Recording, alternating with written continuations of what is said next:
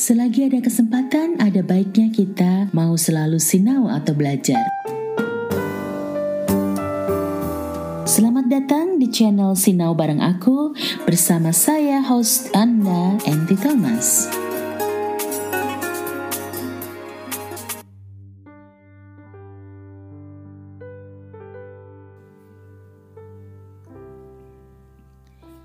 Konco-konco yang saya kasihi, terima kasih telah setia sinau bareng aku.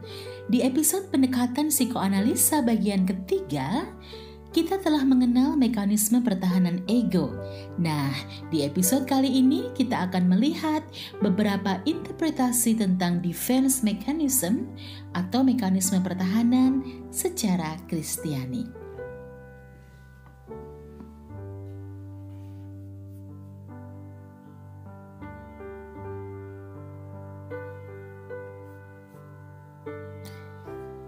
Charles Morris mendefinisikan defense mechanism sebagai cara orang bereaksi terhadap frustasi dan konflik dengan cara menipu diri sendiri tentang keinginan dan tujuan yang sesungguhnya dalam usaha untuk mempertahankan harga diri mereka dan untuk menghindari kecemasan.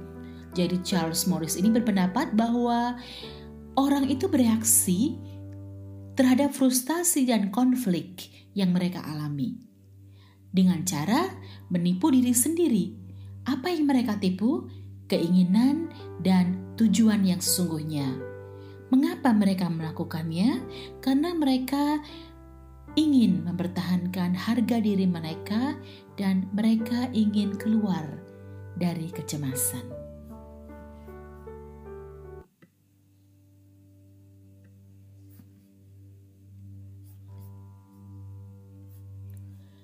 Beberapa interpretasi lain tentang defense mechanism secara Kristiani adalah sebagai berikut. Defense mechanism dianggap sebagai reaksi otomatis terhadap frustasi dan konflik.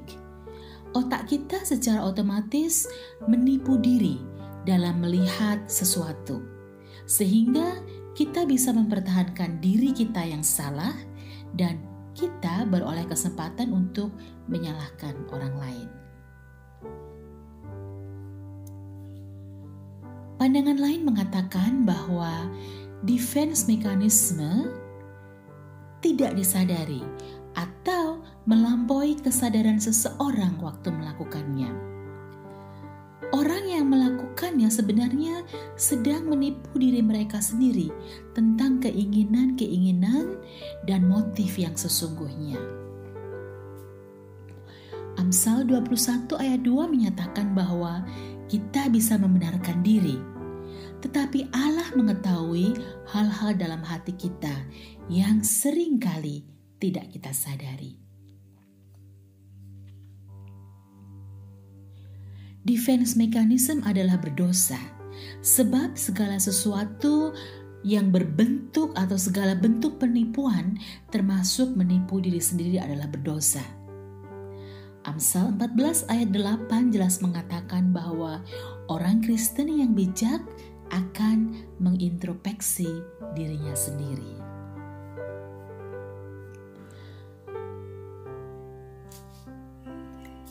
Tujuan dari hal-hal yang otomatis tidak disadari, menipu diri sendiri adalah untuk mempertahankan harga diri yang salah, untuk menghindari kecemasan. Sebab kecemasan kita adalah ketakutan terhadap sesuatu yang tidak kita ketahui. Di mana kita menyadari keinginan atau motif yang tidak dapat diterima dalam diri kita, maka kita akan merasa bersalah dan merasa diri kita buruk atau tidak berharga. Sebaliknya,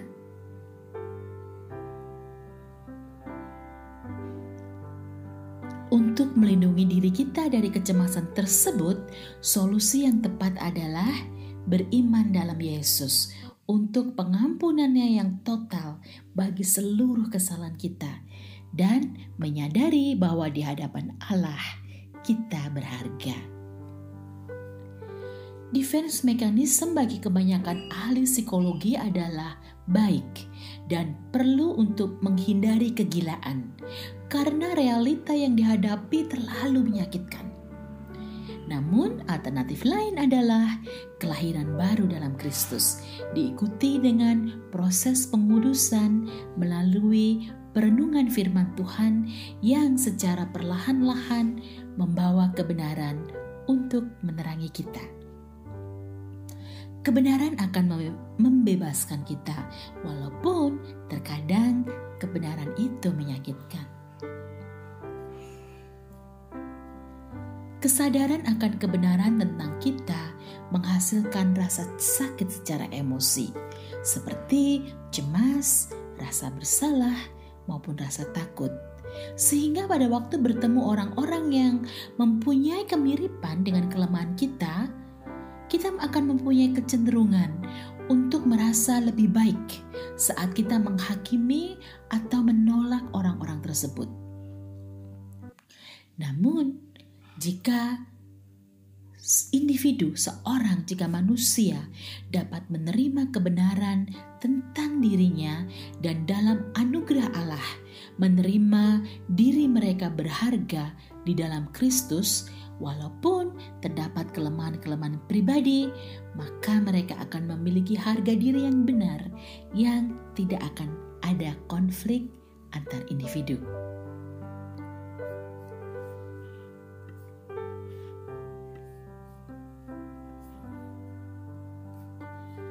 manusia terbiasa dan terus-menerus menipu dirinya untuk mempertahankan harga diri yang salah dan untuk menahan rasa sakit saat dinyatakan kebenaran tentang pemikiran, keinginan, tujuan, dan motif terdalam yang tidak disadari, egois, menghancurkan, atau terdistorsi.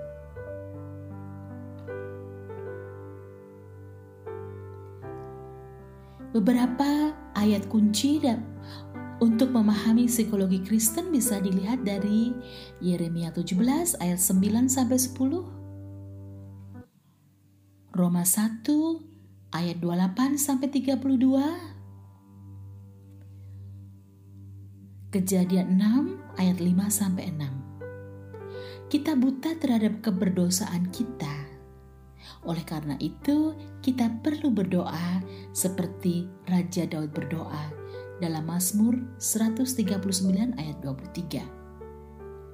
Rasul Paulus dalam 2 Korintus 13 ayat 5 bukan saja mendorong orang Kristen untuk memeriksa dirinya, tetapi juga menegur orang lain dalam kasih.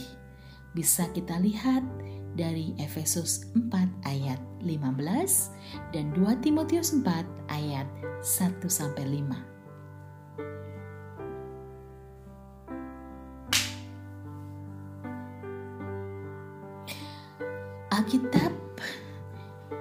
Menawarkan defense yang lebih sehat, yaitu pengampunan, pengakuan dosa, kesabaran, kasih, iman, dan kompensasi yang sehat, antisipasi, kontrol secara sadar, identifikasi diri yang sehat, redirection, mengalah, mengarahkan kembali secara tepat, supresi yang sehat,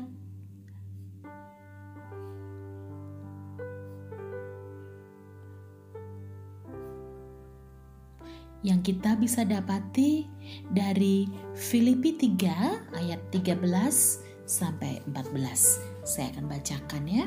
Filipi 3 ayat 13 sampai 14.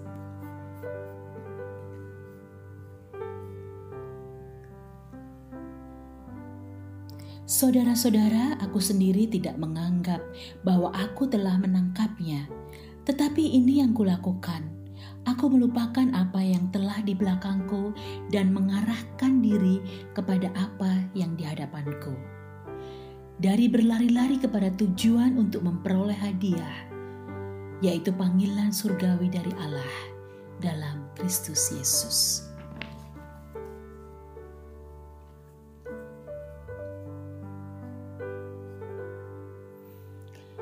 Konco-konco ada beberapa tips praktis yang kita bisa lakukan dalam kehidupan sehari-hari. Yaitu jangan menjadi hakim atas orang lain. Jangan memaksa orang lain untuk membuka kedok dan melihat kenyataan.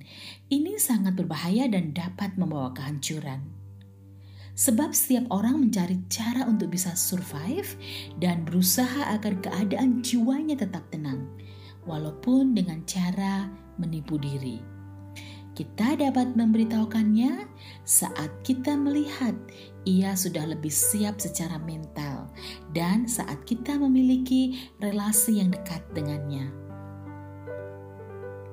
Bersikaplah terbuka dan terus terang tentang diri sendiri, tentang pikiran dan emosi kita, baik terhadap diri sendiri maupun terhadap orang lain. Jangan memaksa orang lain terbuka terhadap saudara Mulailah keterbukaan dari diri Anda. Ciptakan iklim keterbukaan dan rasa aman bagi orang lain. Konco-konco sekian paparan saya, kiranya bermanfaat dan menjadi berkat. Terima kasih kepada Ibu Esther Cahya yang sudah mengizinkan saya memakai goresan catatan beliau untuk acuan bahan podcast kali ini.